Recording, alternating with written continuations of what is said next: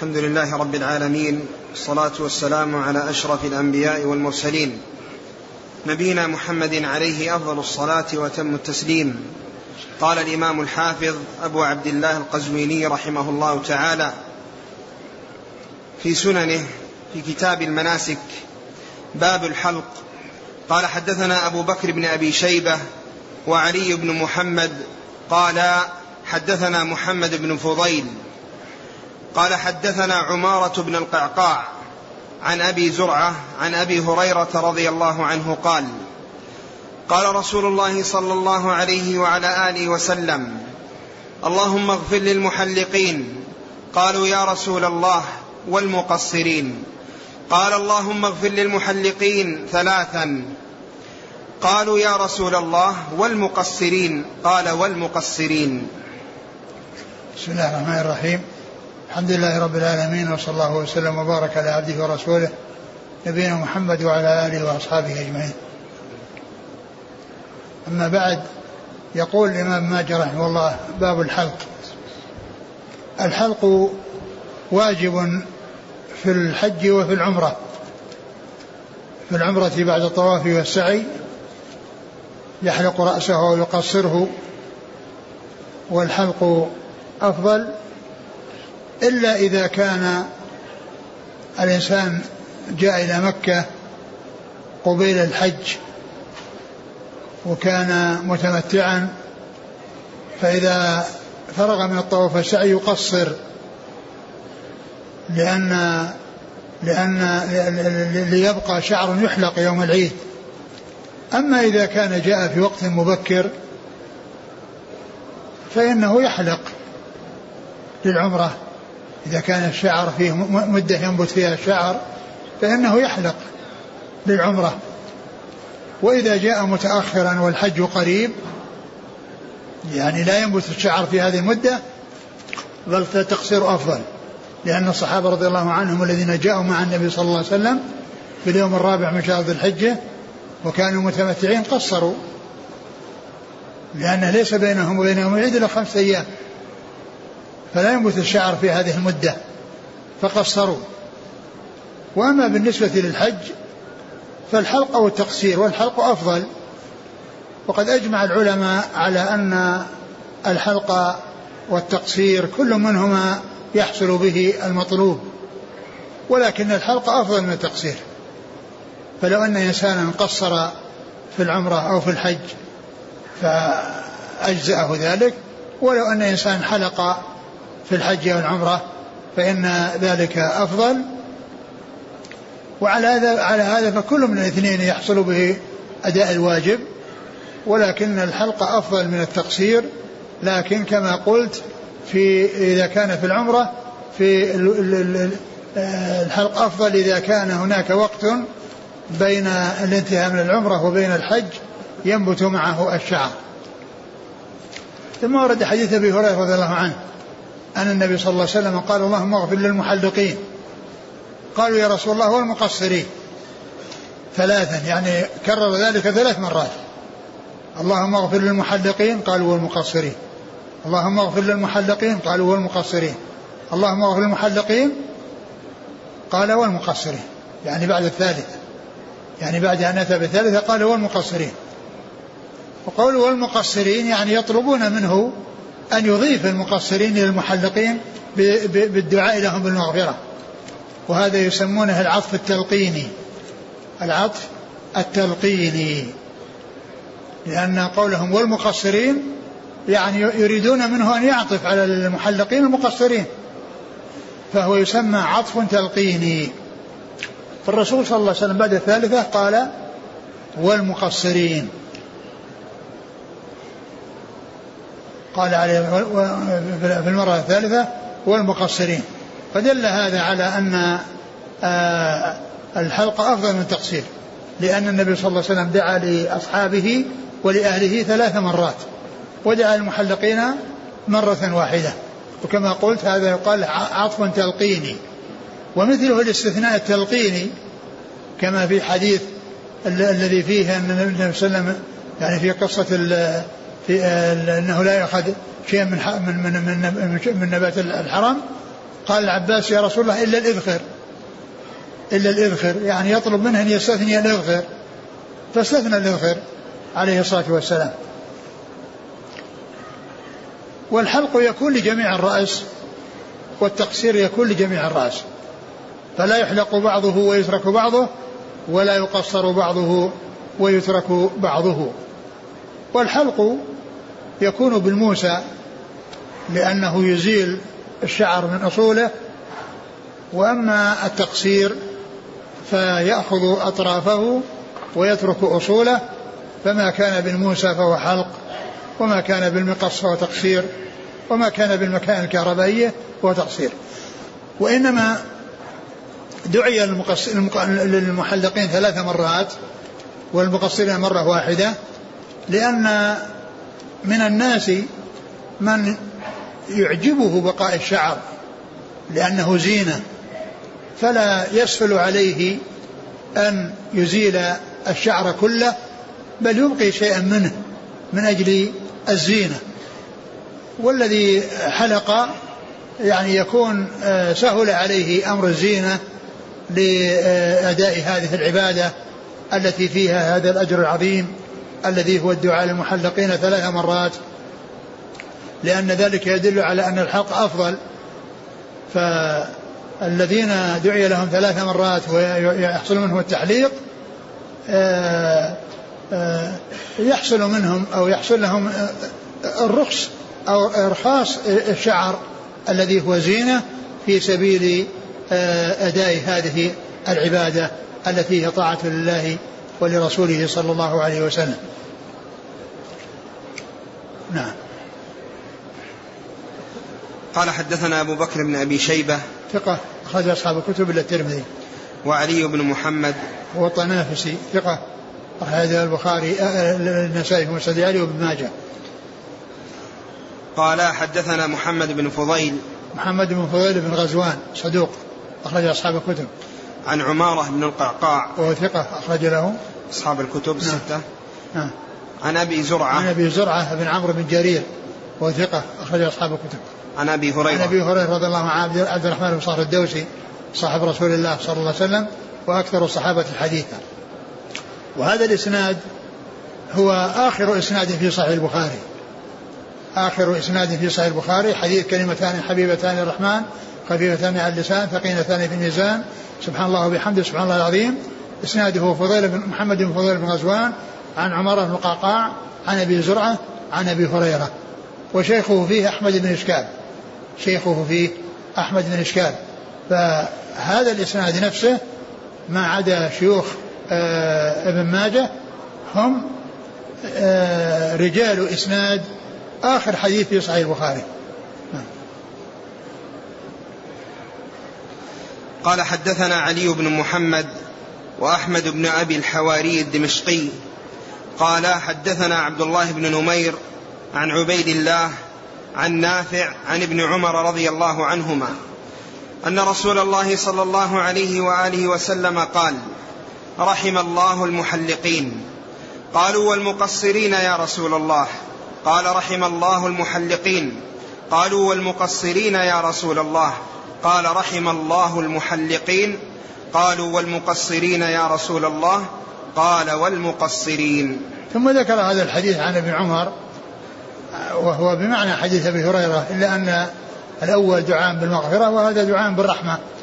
وكل وكل منهما فيه الدعاء للمحلقين ثلاث مرات والمقصرين مرة واحدة وأن الصحابة رضي الله عنهم لما دعا للمحلقين آه، طلبوا منه أن يضيف المقصرين فأضاف ذلك في المرة الثالثة في كل من حديثي أبي هريرة وابن عمر رضي الله عنهم.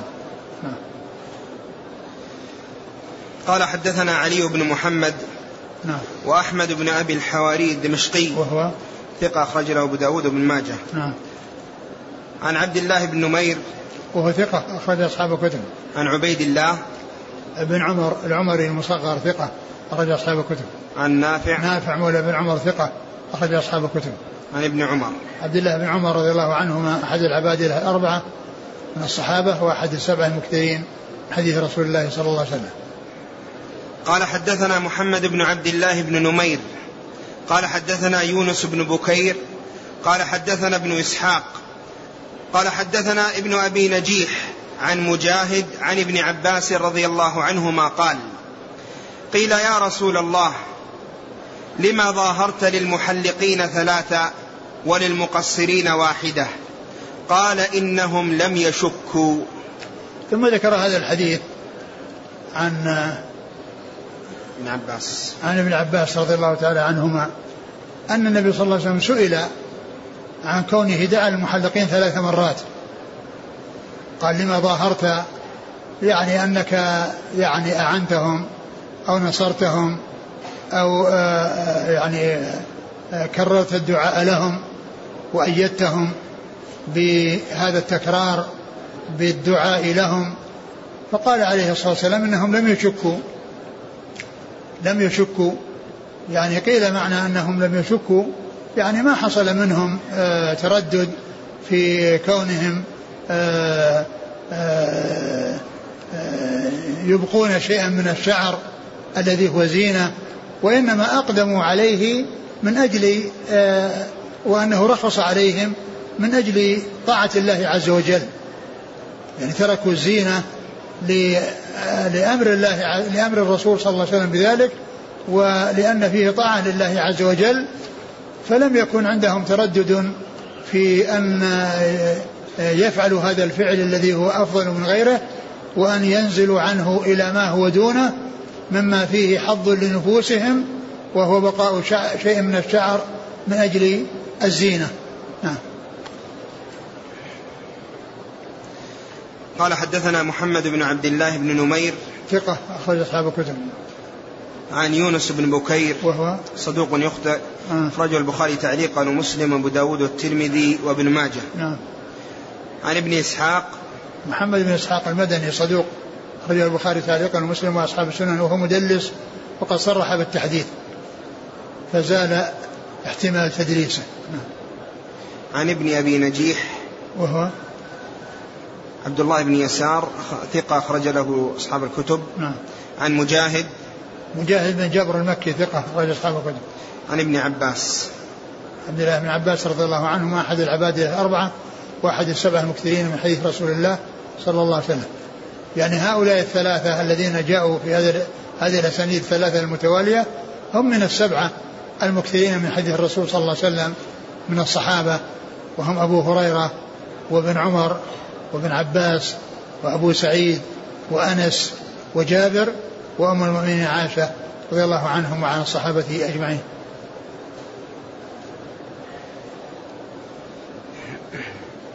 قال رحمه الله تعالى باب من لبد رأسه. قال حدثنا أبو بكر بن أبي شيبة قال حدثنا أبو أسامة عن عبيد الله بن عمر عن نافع عن ابن عمر رضي الله عنهما أن حفصة رضي الله عنها زوج النبي صلى الله عليه وسلم قالت قلت يا رسول الله ما شأن الناس حلوا ولم تحل أنت من عمرتك؟ قال إني لبدت رأسي وقلدت هدي فلا أحل حتى أنحر. ثم ذكر هذه الترجمة باب من لبد رأسه. باب من لبد رأسه. تلبيد الرأس هو وضع شيء يجعله يتماسك ويرتبط بعضه ببعض بحيث لا يكون شعثا. وهذا في ما إذا كانت المدة طويلة لأنهم من المدينة إلى إلى مكة كان تسع مراحل أو عشر مراحل عشرة أيام وتسعة أيام. فكان كانوا يلبدون رؤوسهم يعني لطول هذه المسافة ولهذه المدة يعني حتى يعني آه، لا تكون شعثة ولا يكون فيها يعني شيء من القمل فتكون يعني هذا هذه الهيئة لها تجعلها تتماسك ويتصل بعضها ببعض لطول المسافة ولطول المدة في الطريق. فيكون هناك شيء من الأشياء التي آه، تمسك الشعر كصمغ أو غيره من أجل أنه يتماسك. هذا هو التلبيد. وهذا إنما يكون مع سوق الهدي. إنما يكون مع سوق الهدي لأن هذا هو الذي سيستمر إلى يوم العيد. من ساق هديه لزمه البقاء عليه حتى يوم العيد. أما إذا لم يسق الهدي فإنه يفسخ الإحرام إلى عمرة. يفسخ الإحرام إلى عمرة ويصير متمتعا وهذا هو الذي أرشد إليه الرسول عليه الصلاة والسلام. لأن الرسول صلى الله عليه وسلم لما قربوا من مكة أمر كل من كان قارنا أو مفردا ولم يسق هديا أن يفسخ إلى عمرة ويكون متمتعا. أما من كان قد ساق الهدي فهذا هو الذي يستمر إلى أن يبلغ الهدي محله وهو يوم العيد الذي ينحر فيه الهدي. فمثل هذه الحالة كانوا يلبدون الشعر فيها لأن الاستمرار حاصل إلى يوم العيد. يعني هذه المسافة التي هي مسافة الطريق عشر مراحل ثم بعد ذلك أربعة أيام بعد وصول مكة أو خمسة أيام يعني أو ستة أيام حتى يوم العيد. يعني معناه أن في مسافة يعني تزيد على نصف شهر تقريبا وال والرأس يعني آه، لا يحصل له حلق إلا في يوم العيد. أما من كان متمتعا فإنه إذا وصل مكة فإنه س يعني يقصر ويتحلل. والمتمتع يحل إذا إذا إذا أدى العمرة. ومن ساق الهدي فإنه يتعين عليه أن يبقى إن كان قارنا أو مفردا وإن كان أيضا معتمرا ومعه هدي فإنه يدخل الحج العمرة ويبقى إلى يوم العيد لأن الهدي لا ينحر قبل يوم النحر. الهدي لا ينحر قبل يوم النحر. فالمتمتعون لا ينحرون. إذا كان معهم هدي ينحرونه إذا فرغوا من العمرة. فمن ساق هديا بعمرة فإنه يدخل الحج على العمرة. هذا إذا كان في وقت الحج في حال التمتع. أما إذا أتى بهدي في في العمرة في أثناء السنة فإنه إذا فرغ من العمرة ينحر الهدي. نعم. المتن. قال عن حفصة قالت قال أن حفصة زوج النبي صلى الله عليه وسلم قالت قلت يا رسول الله ما شأن الناس حلوا ولم تحل أنت من عمرتك؟ قال إني لبت رأسي وقلدت هدي فلا أحل حتى أنحر. سألت حفصة رضي الله عنها رسول الله صلى الله عليه وسلم ما بال الناس حلوا من العمرة؟ لأن كل قارن ومفرد أمره النبي صلى الله عليه وسلم حيث لا هدي معه أن يفسخ إحرامه إلى عمره ويتحلل. قال ما بال الناس قالت ما بال الناس حلوا من العمرة؟ وأنت ما حللت؟ قال أنا لبت رأسي وقلدت هدي. يعني معناه ساق الهدي وقلده ولبد رأسه لأنه سيبقى إلى يوم العيد على هذه الهيئة. سيبقى إلى يوم العيد على هذه الهيئة حيث ينحر الهدي عند ذلك يحلق الرأس. فكان تلبيده ليتماسك في هذه المدة الطويلة. نعم. قال حدثنا أبو بكر بن أبي شيبة نعم. عن أبي أسامة. حماد بن أسامة ثقة أخرج أصحاب الكتب. عن عبيد الله بن عمر. هو العمر المصغر ثقة أخرج أصحاب الكتب. عن نافع عن ابن عمر. نعم. قال حدثنا أحمد بن عمرو بن السرح المصري.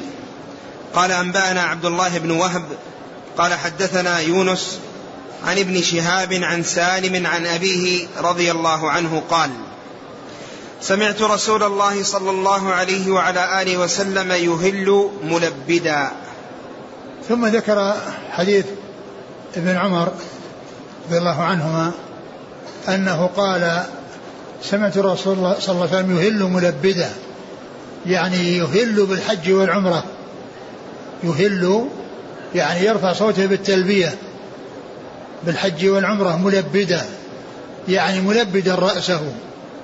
يعني ملبدا رأسه يعني عند الإحرام يعني حتى يبقى هذه المدة التي تستمر إلى يوم العيد. فهو دال على ما ترجم له المصنف من حصول التلبيد في حق من كان قارنا أو مفردا قد ساق الهدي معه. نعم.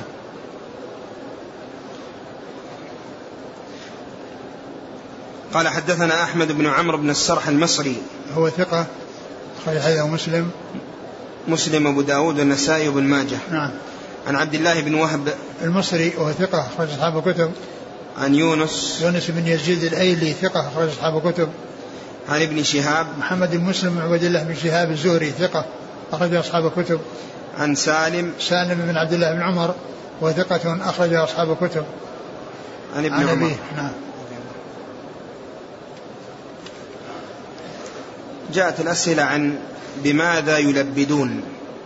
أنا قلت يلبدون من أجل أن الشعر يبقى هذه المدة الطويلة إلى يوم النحر متماسك يعني لئلا يصيبه شعث لأنه إذا يعني مع طول السفر وطول المدة يعني يصير أشعث يعني فينتفش وقد يكون يعني يصير محل للقمل فإذا كان متماسك وملتبس بعضه إلى بعض يعني يبقى هذه المدة غير شعث. نعم. يسألون بماذا بماذا؟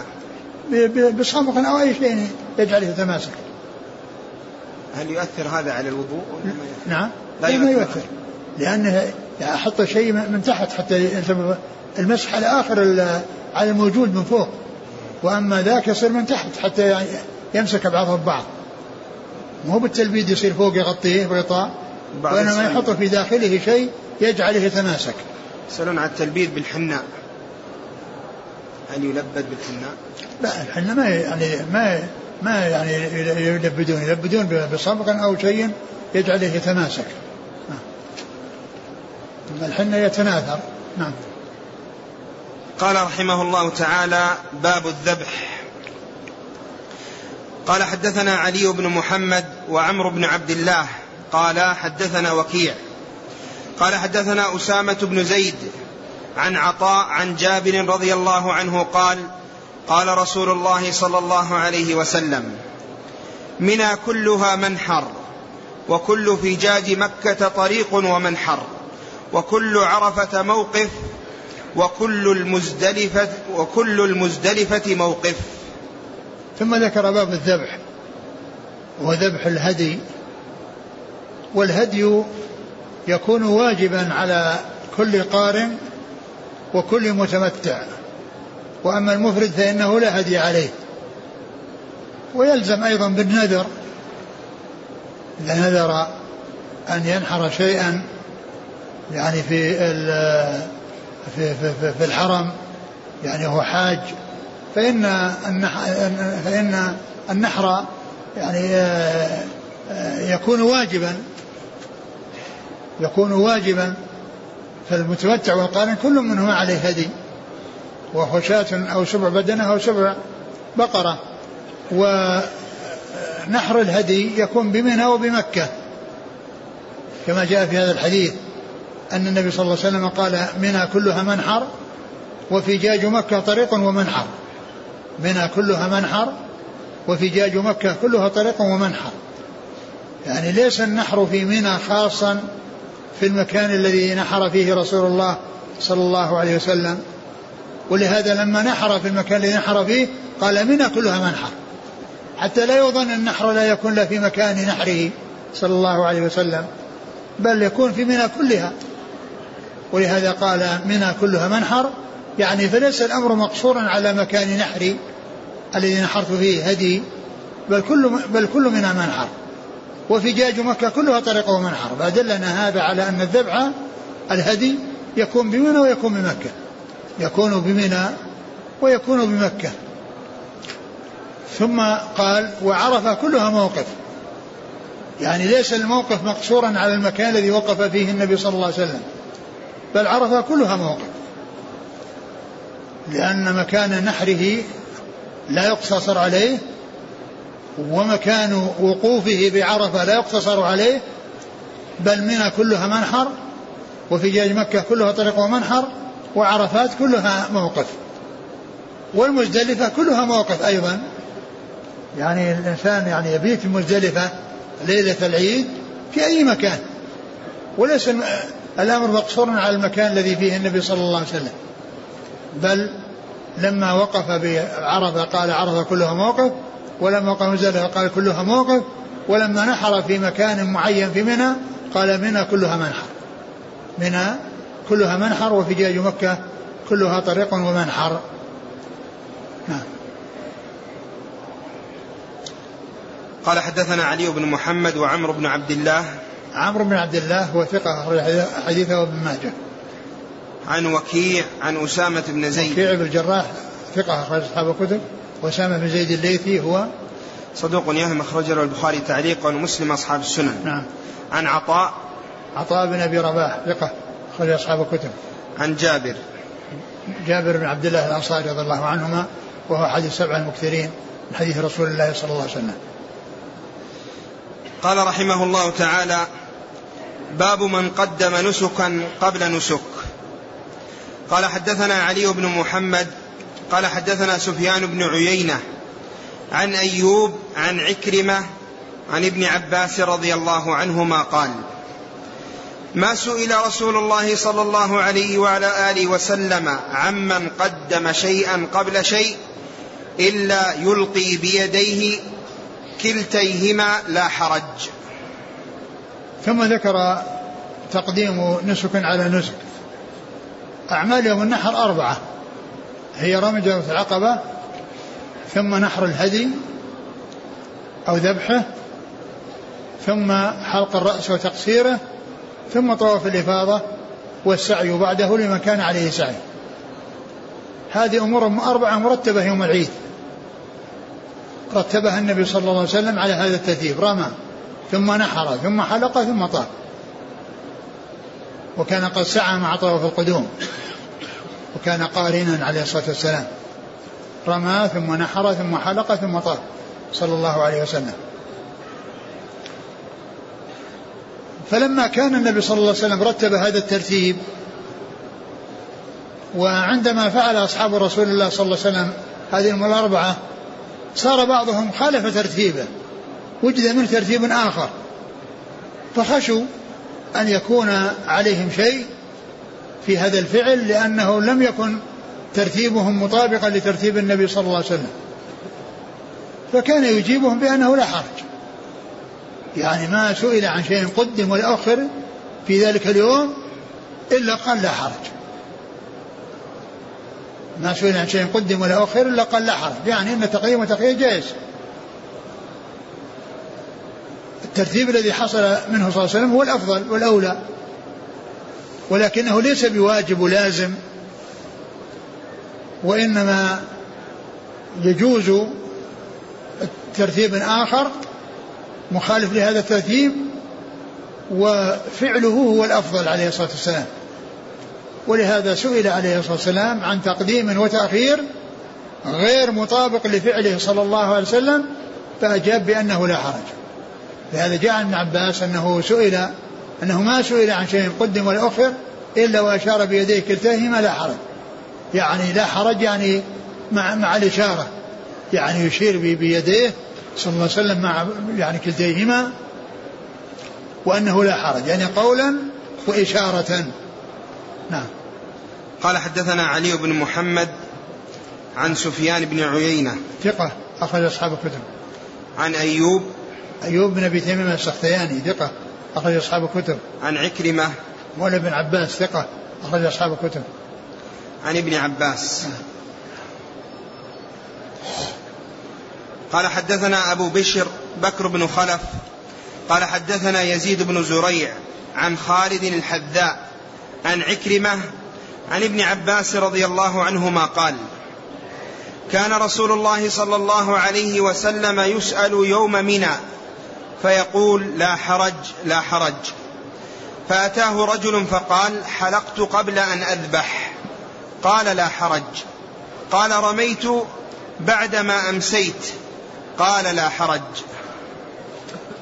ثم ذكر حديث ابن عباس من طريق أخرى وفيه أن النبي صلى الله عليه وسلم يعني كان يسأل يوم النحر ويقول لا حرج فسأله رجل وقال قال يعني آه، حلقت قبل أن أنحر. حلقت؟ قال حلقت قبل أن أذبح. نعم حلقت قبل أن أذبح. لأن الرسول يعني ذبح ثم حلق فهذا حلق قبل أن ينحر. قبل أن يذبح. فالرسول صلى الله عليه وسلم قال لا حرج. يعني أن فعلك الذي هو كونك قدمت الحلقة على النحر سائغ لا بأس به. وسأله آخر قال رميته بعدما أمسيت. لأنه كان لأنه صلى الله عليه وسلم رمى في الضحى في أول النهار. فهذا فعله يعني هذا السائل لم يكن مطابقا لفعل النبي صلى الله عليه وسلم. لأن الرسول صلى الله عليه وسلم رمى في الصباح وهو رمى في المساء. المساء بعد, بعد الزوال يبدأ. يبدأ المساء بعد الزوال. فلما كان رميه بعد الزوال لم يكن مطابقا لفعل النبي صلى الله عليه وسلم وهو الرمي قبل الزوال في الضحى سأل. قال رميته قبل أن بعد ما أمسيت قال لا حرج. يعني رميك في المساء لا حرج. بل جاء ما يدل على أن إلى أنه بعد الغروب وفي الليل لمن يتمكن من النهار أن له ذلك. لأن ابن عمر رضي الله عنهما وأرضاهما كان زوجة صفية بنت أبي عبيد الثقفية كانت معها آه، ابنة عم لها أو قريبة لها نفست ولدت في آه، مزدلفة فتأخرت معها ولم تصل إلى منى إلا بعد الغروب. فأمر فأمرهما أن أن يرميا بعد بعد الغروب. آه، ابن عمر رضي الله عنه أمرهما بأن يرميا بعد الغروب فدل ذلك على أنه لا بأس. ولكن السؤال حصل من هذا السائل لكونه رمى في المساء والنبي صلى الله عليه وسلم إنما رمى في الصباح. فالنبي صلى الله عليه وسلم قال لا حرج. يعني رميك في المساء صحيح. نعم قال حدثنا أبو بشر بن أبو بشر بك بكر بن خلف. وهو؟ صدوق رجل البخاري تعليقا وأبو داود بن ماجه. نعم. عن يزيد بن زريع. ثقة أخرج أصحاب الكتب.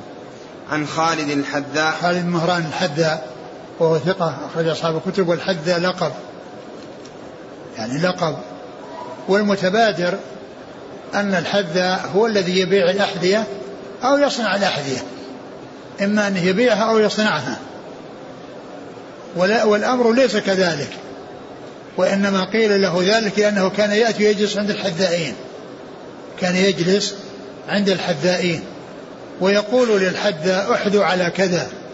يعني يذكر له يعني شيء أو يرسم له شيء ويقول احذو يعني قص يعني على على على كذا أو اعمل الحذاء على هذا المقدار. فقيل له الحذاء لأنه كان يجالس الحذائين ويقول هذا الكلام وهذا يسمونه النسبة إلى ما لا يسبق إلى الذهن النسبة إلى ما لا يسبق إلى الذهن لأن الذي يسبق إلى الذهن أنه, أنه يصنع الأحذية. أو يبيع الأحذية هذا اللي متبادل للذهن. وأما كونه يجلس عند الحذائين وقيل له الحذاء هذا غير متبادل للذهن. هذا من جنس يزيد بن صهيب الفقير. الفقير.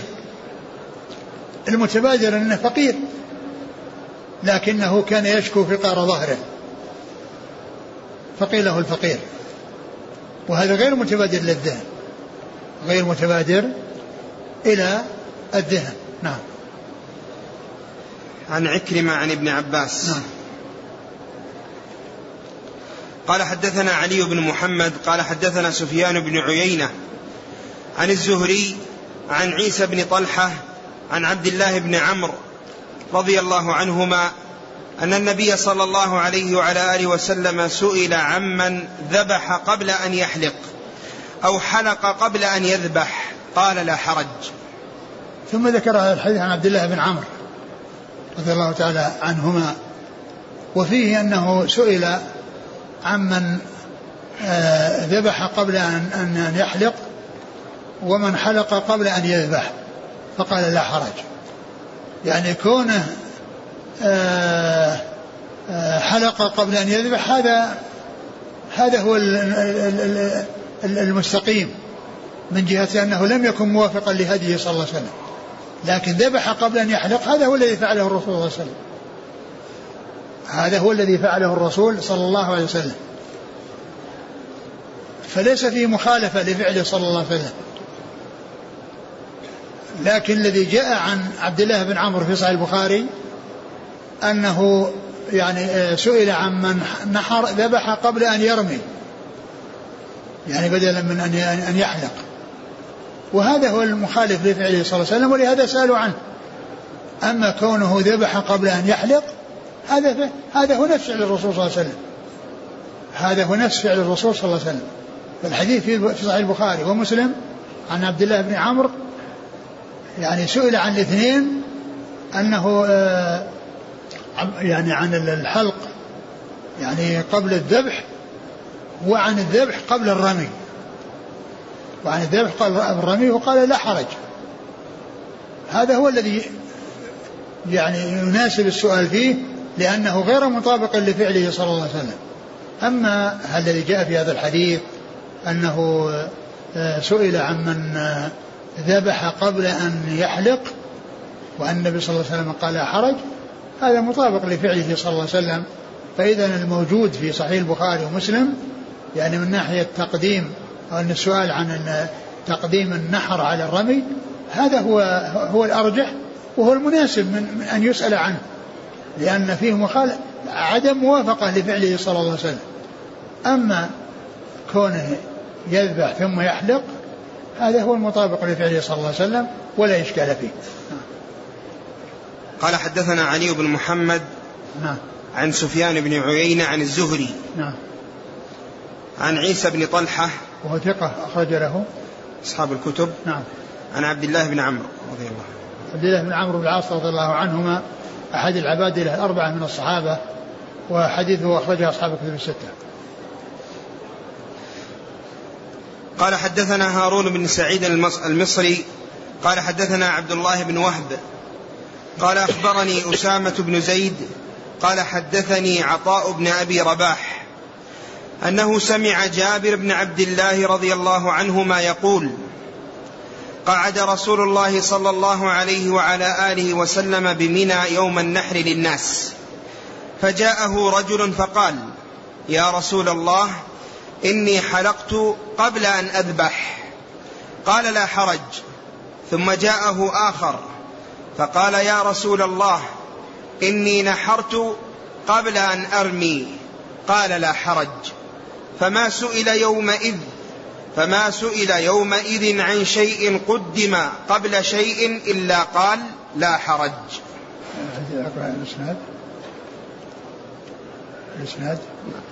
قال حدثنا هارون بن سعيد المصري قال حدثنا عبد الله بن وهب قال أخبرني أسامة بن زيد قال حدثني عطاء بن أبي رباح أنه سمع جابر بن عبد الله رضي الله عنهما يقول نعم وهذا حديث جابر بن عبد الله رضي الله عنهما.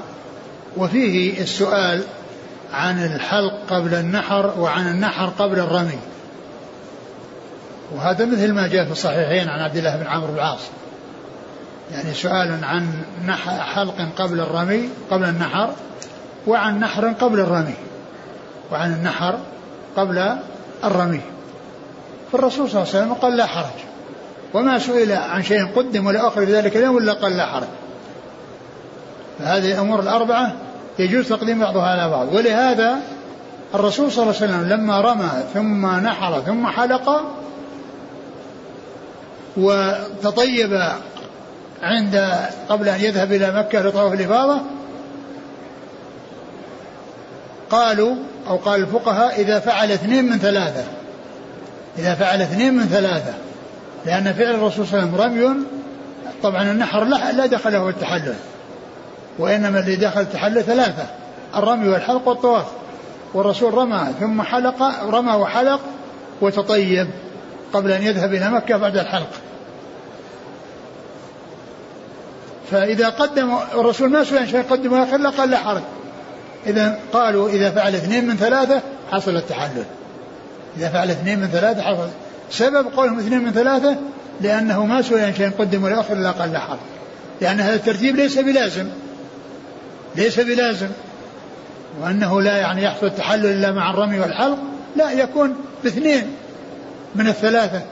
يكون من الطواف والحلق أو الطواف الرمي وهكذا. نعم.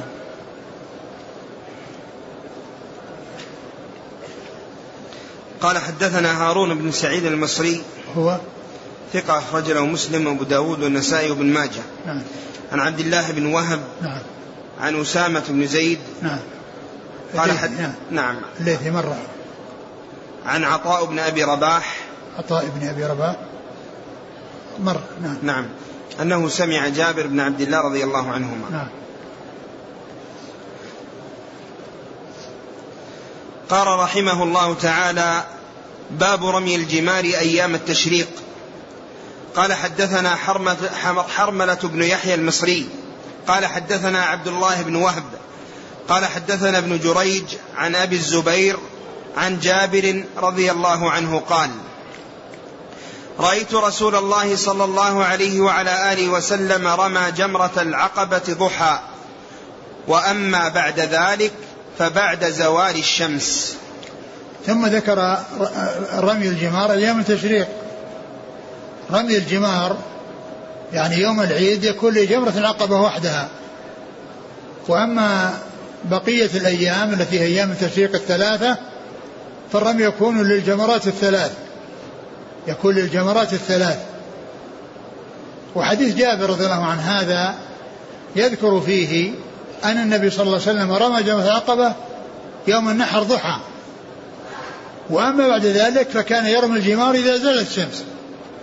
كان يرمي الجمار إذا زالت الشمس.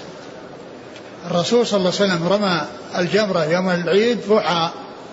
وأما الحادي عشر والثاني عشر والثالث عشر لأنه تأخر وما تعجل عليه الصلاة والسلام فكان يرمي بعد الزوال. اليوم الحادي عشر رمى بعد الزوال واليوم الثاني عشر رمى بعد الزوال واليوم الثالث اللي هو يوم ال ال ال النفر الثاني رمى بعد الزوال. فقال جابر إنه رمى الجمرة يوم العقبة يوم النحر ضحى وأما بعد ذلك يعني في الأيام الأخرى فإذا زالت الشمس. فدل هذا على أن الرمي يكون بعد الزوال في الأيام الثلاثة وأنه لا يكون قبل الزوال لأن النبي صلى الله عليه وسلم في أيام ثلاثة كلها لا يرمي إلا بعد الزوال. وكان قال ابن عمر كنا نتحين فإذا زالت الشمس رمينا الجمرات يتحينون يعني يعني ينتظرون حين الزوال. والنبي صلى الله عليه وسلم كان يرمي بعد الزوال في الأيام الثلاثة. وفعله هذا في الأيام الثلاثة دال على أن أن ذلك واجب وأنه لا يجوز قبله. لأن لو كان جائزا قبله لفعله النبي صلى الله عليه وسلم في يوم واحد من الأيام الثلاثة. لكنه الأيام الثلاثة كلها لا يرمي فيها إلا بعد الزوال فدل ذلك على أن الرمي للجمرات الثلاث في الحادي عشر والثاني عشر والثالث عشر إنما يكون بعد الزوال لا قبله. نعم. قال حدثنا حرملة بن يحيى المصري. هو التجيبي وهو, وهو صدوق. أخرج له مسلم والنسائي وابن ماجه. نعم. عن عبد الله بن وهب. نعم. عن ابن جريج. عبد الملك بن عبد العزيز بن جريج. وثقة أخرج أصحاب الكتب. عن أبي الزبير. ومحمد بن مسلم تدرس صدوق أخرج أصحاب الكتب. عن جابر. عن جابر وهنا فيه مدلسان ابن جريج وأبو الزبير ولكنهما صرح في التحديث في صحيح مسلم وغيره. قال حدثنا جبارة بن المغلس قال حدثنا إبراهيم بن عثمان بن أبي شيبة أبو شيبة عن الحكم عن مقسم عن ابن عباس رضي الله عنهما. أن رسول الله صلى الله عليه وعلى آله وسلم كان يرمي الجمار إذا زالت الشمس. إذا زالت الشمس قدر ما إذا فرغ من رميه صلى الظهر. ثم ذكر هذا الحديث أن النبي صلى الله عليه وسلم كان يرمي الجمرات إذا زالت الشمس. يعني الجمرات اللي هي أيام التشريق كان يرميها إذا زالت الشمس. يعني قدر ما إذا فرغ من الرمي صلى الظهر. وكان عليه الصلاة والسلام يرمي الجمرات ثم يذهب إلى مسجد الخيف ويصلي بالناس الظهر عليه الصلاة والسلام. وأما في اليوم الثالث عشر فإنه رمى الجمرات ارتحل ومر بالجمرة الجمرة الثلاث ورماها ثم واصل السير حتى جاء الأبطح ونزل فيه وصلى فيه الظهر وصلى فيه الظهر. فرميه صلى الله عليه وسلم كله بعد الزوال في الأيام الثلاثة حتى يوم يوم النفر أخر ذلك حتى زال الشمس ورمى بعد الزوال عليه الصلاة والسلام. والحديث في سناده ضعف لأن فيه متروك وفيه ضعيف. ولكن المتن صحيح. نعم. قال حدثنا جبارة بن المغلس. هو ضعيف أخرجه ابن ماجه. عن إبراهيم بن عثمان بن أبي شيبة وهذا أبو شيبة. وهذا والد أبو بكر هذا ج يعني جد أبو بكر بن أبي شيبة وعثمان بن أبي شيبة. و وهو إبراهيم بن عثمان وهو متروك. أخرجه أخرج له. أخرج له الترمذي وابن ماجه. نعم. عن الحكم. حكم بن عتيبة الكندي ثقة أخرج أصحاب الكتب. عن مقسم. مولى مولى بن عباس وهو ثقة. صدوق أخرجه البخاري وأصحاب السنن. نعم. عن ابن عباس. نعم. قال رحمه الله تعالى باب الخطبة يوم النحر. والله تعالى أعلم وصلى الله وسلم وبارك على عبده ورسوله نبينا محمد وعلى آله وأصحابه أجمعين. أحسن الله إليكم وبارك فيكم ونفعنا الله بما قلتم وغفر الله لنا ولكم وللمسلمين أجمعين. آمين. هذا سائل يقول قمت بعمرة لأبي وجلست في مكة هل أنا متمتع أم لا؟ آه نعم هل أنا متمتع أم لا بد من القيام بعمرة لي؟ الإنسان إذا اعتمر وحج اعتمر في أشهر الحج وحج فهو يعتبر متمتع. وسواء كانت العمرة والحج له أو العمرة له والحج لغيره أو العكس. كل ذلك صحيح وكله متمتع وعليه هذه أحسن الله إليكم. هذا يقول ما حكم من يلبس حزام على لباس الإحرام ليشد به والحزام هل هو مخيط؟ لا بأس حتى ولو كان مخيطا. حتى ولو كان فيه خياطة. ما يؤثر. مثل النعال إذا كان فيها خياطة. ما تؤثر. كون النعال تخاط وتلبس وهي مخيطة ما في بأس. وكذلك الحزام لو كان مخيطا ما يؤثر لأن الذي يؤثر اللباس المخيط مثل القميص والفنايل والسراويل هذا هو الذي يؤثر. وأما حزام يشده على بطنه فوق ردائه أو فوق إزاره سواء كان لشده أو لوضع النقود فيه لا بأس بذلك. حتى ولو كان مخيطا لأن مثل هذا يعني آه، لمسه ولو كان ولو كان مخيط لأن الحزام لا سيما الذي فيه آه، يعني مخابي يعني يوضع فيها نقود لابد أن يكون مخيطا ولا بأس بذلك. والنعال إذا كانت مخيطة ما فيها بأس. وكذلك الخفاف إذا كانت آه، دون الكعبين وهي مخيطة ما في بأس. نعم. كثرت الأسئلة عن الرمي في أيام التشريق قبل الزوال. هل هو جائز؟ لا ما يجوز. لا يجوز أن يرمى قبل الزوال لأن النبي صلى الله عليه وسلم فعل ذلك ثلاث مرات ولم يفعله مرة واحدة ليدل على الجواز. لم يفعله قبل الزوال مرة واحدة ليدل على الجواز.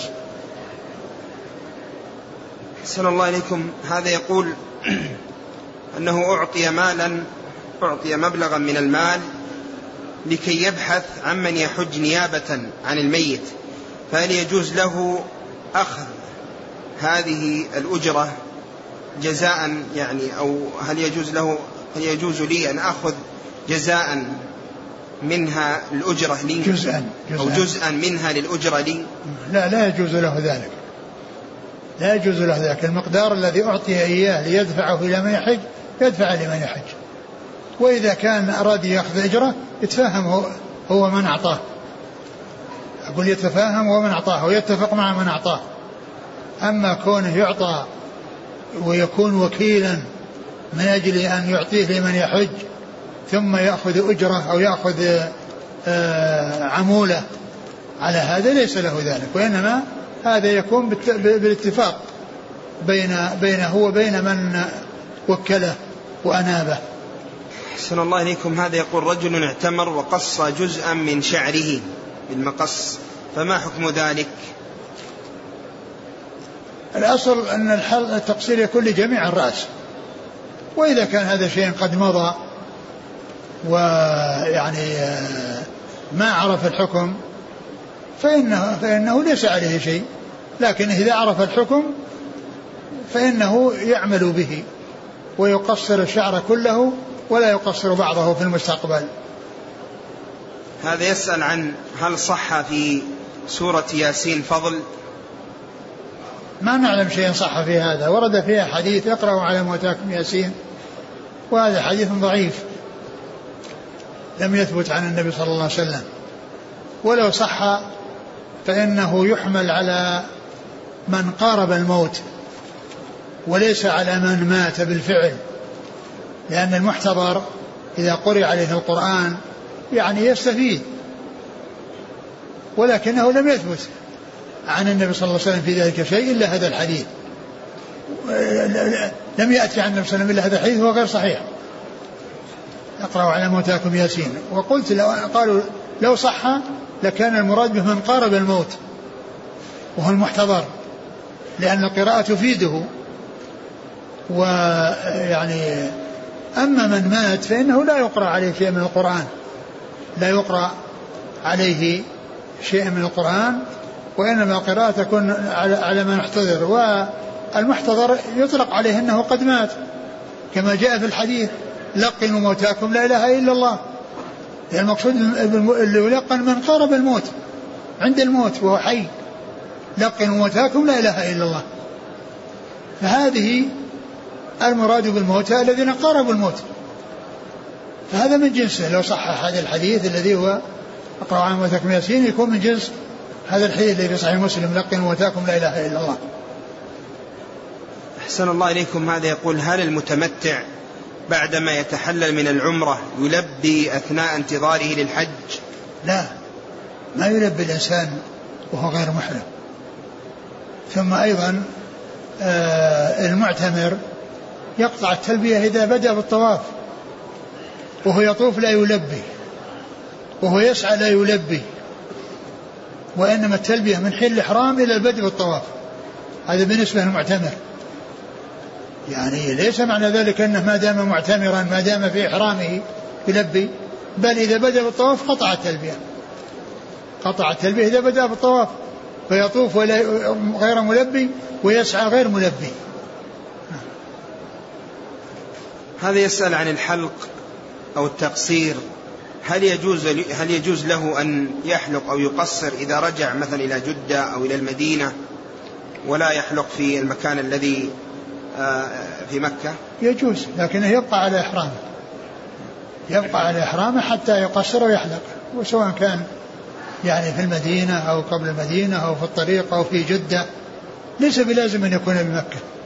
لو أنه طاف وسعى وذهب إلى جدة يحلق بجدة بس أنه يبقى على إحرامه حتى يحلق. أحسن الله إليكم. هذا السائل يقول هل هناك فرض هل هناك فرق بين التلفظ بالنية والتلفظ بالنوع؟ بالنوع؟ نوع الإحرام الإفراد لا هو نعم. يعني النية ما يقول نويت ولكن يقول لبيك عمرة لبيك حجا لبيك حجا وعمرة. لكن ما يقول نويت عمرة نويت حجا يعني النية محلها القلب.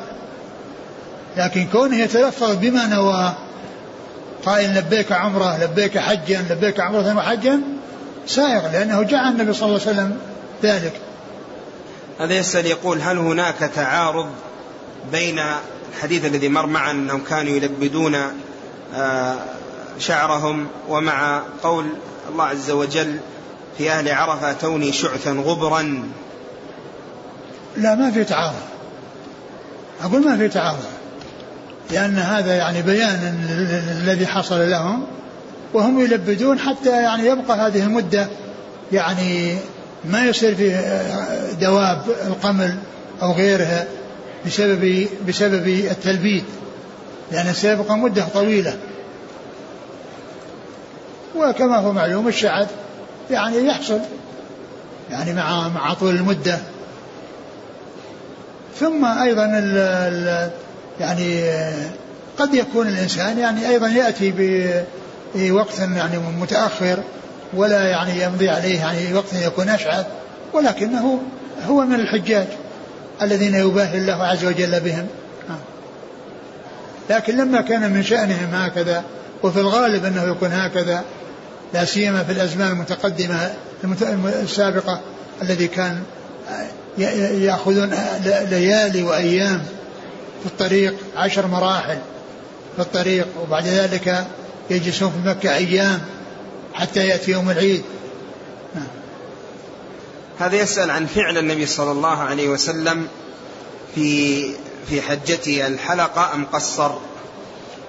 لا حلقة لأنه صلى الله عليه وسلم كان قارنا وبقي إلى يوم العيد وحلق رأسه. أقول حلقة عليه السلام وإنما التقصير يكون للذين يعني كانوا معتمرين والحج قريب فإنهم قصروا كما في حديث جابر الطويل لأن ما بينهم بين الحج إلا خمسة أيام أو ستة أيام لا ينبت الشعر فقصروا. وأما رسول الله صلى الله عليه وسلم فكان قارنا فحلق يوم العيد.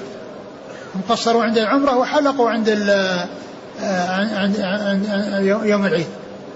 حلقوا يوم العيد وقصروا عند آه، عند الجمرة. أي المتمتعين المفردين آه، المتمتعين هذا يسأل يقول قل أنا سوف أذهب إلى مكة بعمرة فلو تيسر لي حج عن الغير وأنا بمكة فهل يلزم الرجوع إلى ميقات المدينة للإحرام للتمتع؟ أم أذهب لأي ميقات؟ الإنسان إذا حج ويسر الله له الحج لنفسه ما ينبغي له أنه يسعى أو يعمل على أن يحصل الدنيا. الحمد لله حج وذهب إلى مكة للحج لنفسه. يبقى على ما أراده لنفسه من الخير ولا يكون همه الدنيا والبحث عن الدنيا. أحسن الله إليكم. هذا يقول أنه حج ومعه ابن له أدى جميع الأركان ما عدا الرمي الإبن فهل عليه شيء؟ إذا كرم عنه ليس عليه شيء. الصبي الذي لم يحصل منه الرمي ولا من وليه يلزم فدية يلزم وليه أن يذبح عنه فدية. نعم. أحسن الله إليكم. هذا يقول هل الخروج من مكة إلى منى في يوم الثامن من الحجة واجب وهل إذا لم إذا لم يخرج إلى منى وإنما انتظر إلى يوم عرفة ثم خرج إلى عرفة فهل هذا جائز؟ جائز لكن السنة أنه يخرج يوم ثمانية كما فعل الرسول صلى الله عليه وسلم هذا هو السنة وهو الذي ينبغي أن يفعله الحجاج لكن لو لم يحصل شيء من هذا ولم يحصل يعني خروج يوم ثمانية لا لا شيء على من لم من لم يفعل ذلك. هذا يسأل يقول هل يجوز الصلاة بأذان أو بأذان وإقامة المسجلات؟ لا.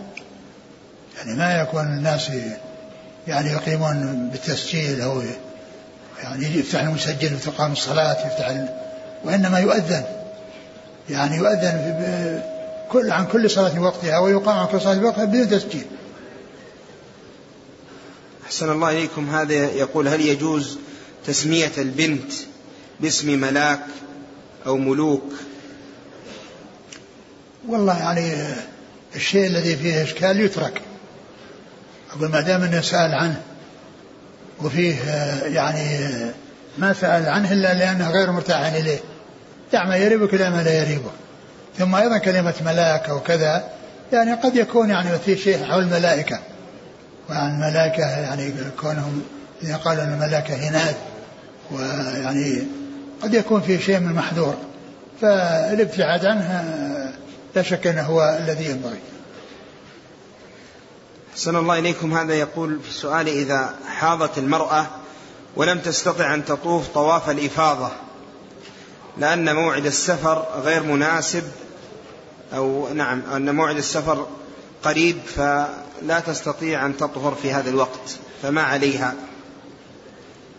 إذا كان مكان قريب ويمكن أنها تذهب وهي باقية على يعني يعني لا كان لها زوج لا يقربها لأن بعد التحلل يحل كل شيء إلا النساء طيب وما إلى ذلك وما يمنع منه إلا النساء. فإذا كان معها ذا زوج وذهبت لا يقربها زوجها حتى تطهر وترجع وتطوف. ترجع وتطوف وأما إذا كان أنها يعني أنها لن تذهب وترجع فعليها أن تبقى. فعليها أن تبقى حتى تطهر لأن النبي صلى الله عليه وسلم لما علم أن صفية يعني قيل أنها لم أنها أنها قد حاضت قال أحابستنا هي؟ أحابستنا هي؟ فلما علم أنها طافت يوم النحر قال انفروا. يعني معنى أنه ما يبقى إلا طواف الوداع. طواف الوداع يسقط عن الحائط صلى الله عليكم هذا يسأل يقول هل يجوز تلبيد اللحية؟ لا اللحية ما تلبد اللي يلبد الرأس. أيضا يسأل يقول ما حكم ما يسقط من شعر من الشعر أثناء الامتشاط بدون قصد؟ ما ينبغي الإنسان أن يمتشط وهو محرم.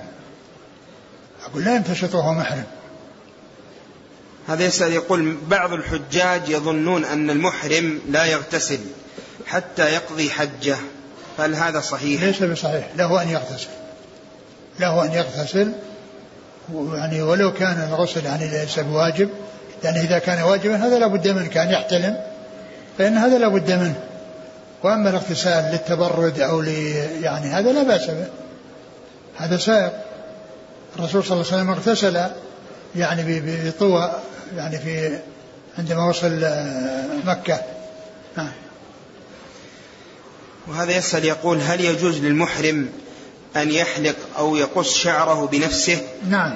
إذا انتهى إذا انتهى من العمرة أو انتهى من الحج ولم يبق إلا أن الحلق أو أن أنه جاء وقت الحلق فله أن يقصر لنفسه وله أن يحلق لنفسه. لأن هذا ليس ارتكاب محظور هذا أداء واجب وسواء فعله بنفسه أو فعله به غيره. وكذلك أيضا يعني حتى لو كان محرما يحلق لغيره.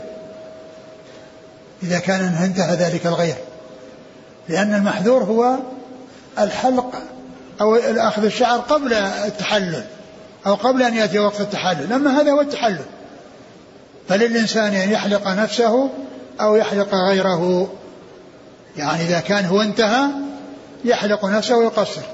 وإذا كان غيره انتهى فله أن يحلق لغيره ويقصر. أحسن الله إليكم. هذا يسأل عن بطاقات الكوبونات بطاقات الهدي. هل يصح شراؤها؟ وهل ما في بأس ما في بأس نعم. يعني إذا كان هذه من الجهة التي اعتمدت الدولة. يعني وهي البنك الإسلامي الذي ينوب عنه الراجحي. يعني هذا ما في بأس. لكن الناس الآخرين اللي ما يدرى عن صحة آه، يعني آه، عملهم ويعني وليسوا جهة مسؤولة ما ينبغي الإنسان يتعامل معهم. وإنما يتعامل مع هذه الجهة التي اعتمدها الدولة. نعم. أحسن الله إليكم. هذا يسأل ما هو الفجاج؟ إيش؟ فجاج فجاج مكة. الفجاج ما هي الفجاج؟ الفجاج الطرق. الطرق يعني التي بين الجبال قالها فجاج. يقول ما حكم الحج أو الاعتمار عمن ليست له قدرة مالية لأدائها ويسكن في بلاد بعيدة؟ إذا كان عنده القدرة البدنية لا يحج عنه. يعني لأن ما دام عنده القدرة البدنية لا يحج عنه هو حي. لأنه لا يحج عن الحي إلا في حالتين اثنتين. أن يكون هرما كبيرا لا يستطيع السفر والركوب أو يكون مريضا مرضا لا يرجى برؤه. هؤلاء يحج عنهما والميت يحج عنه. ومن كان حيا ولم يكن مريضا مرضا لا يرجى برؤه أو هرما كبيرا لا يستطيع السفر فإنه لا يحج عنه. هذا السائل يقول هل يجوز لمن حج مفردا وساق معه الهدي تطوعا أن يفسخ حجه إلى عمرة؟ ما دام أنه ساق هدي سواء كان تطوع أو, أو فرق ما دام الهدي موجود معه وقد ساقه سواء كان الإفراد تطوعا أو أنه فرض عليه أن يستمر حتى يوم العيد وحتى يبلغ الهدي محله.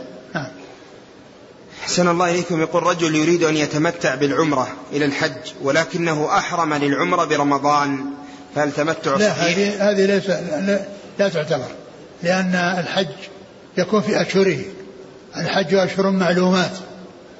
فمن فرض فيهن الحج يعني العمرة عمرة التمتع تكون في أشهر الحج ما تكون في الأشهر الأخرى. هذا يسأل أنه يقول طاف شوطين ثم نقض أو انتقض وضوءه ثم توضأ خارج المسجد ثم عاد. فهل يكمل ما بدأ أم يبدأ لا من يبدأ جديد؟ من جديد. يبدأ من جديد لأن هذا مثل الصلاة. الصلاة إذا انتقض وضوءه في أثنائها راح يتوضأ ويجي يصلي من جديد. هذا سائل يقول متى ينتهي وقت رمي جمرة العقبة وبقية الجمرات؟ يعني جمرة العقبة متى إيش؟ متى ينتهي وقت جمرة العقبة رمي جمرة العقبة رمي جمرة العقبة واسع جدا. لأنه يعني يجوز في آخر الليل يجوز في النهار كله. ويجوز في الليل الذي بعدها. وأما الجمرات الأخرى فإنها ترمى بعد الزوال وبعد غروب الشمس إلى طلوع الفجر. إلا اليوم الثالث عشر فإن الرمي ينتهي بالغروب لأن أيام التشريق انتهت. الليلة اللي وراها ما لها علاقة في أيام التشريق. في اليوم الثالث عشر ينتهي الرمي بالغروب. إذا غربت الشمس وهو لم يرمي خلاص انتهى وقت الرمي. وعلى من لم يفعل فدية. نعم. هذا يسأل يقول ما يعني هل الأصل هل الأصل في الحج؟ أن أو في أفعال الحج افعل ولا حرج؟ وما رأيكم في كتاب افعل ولا حرج؟ الأصل هو أن ما جاء عن النبي صلى الله عليه وسلم أنه يقدم ويؤخر وأنه يفعل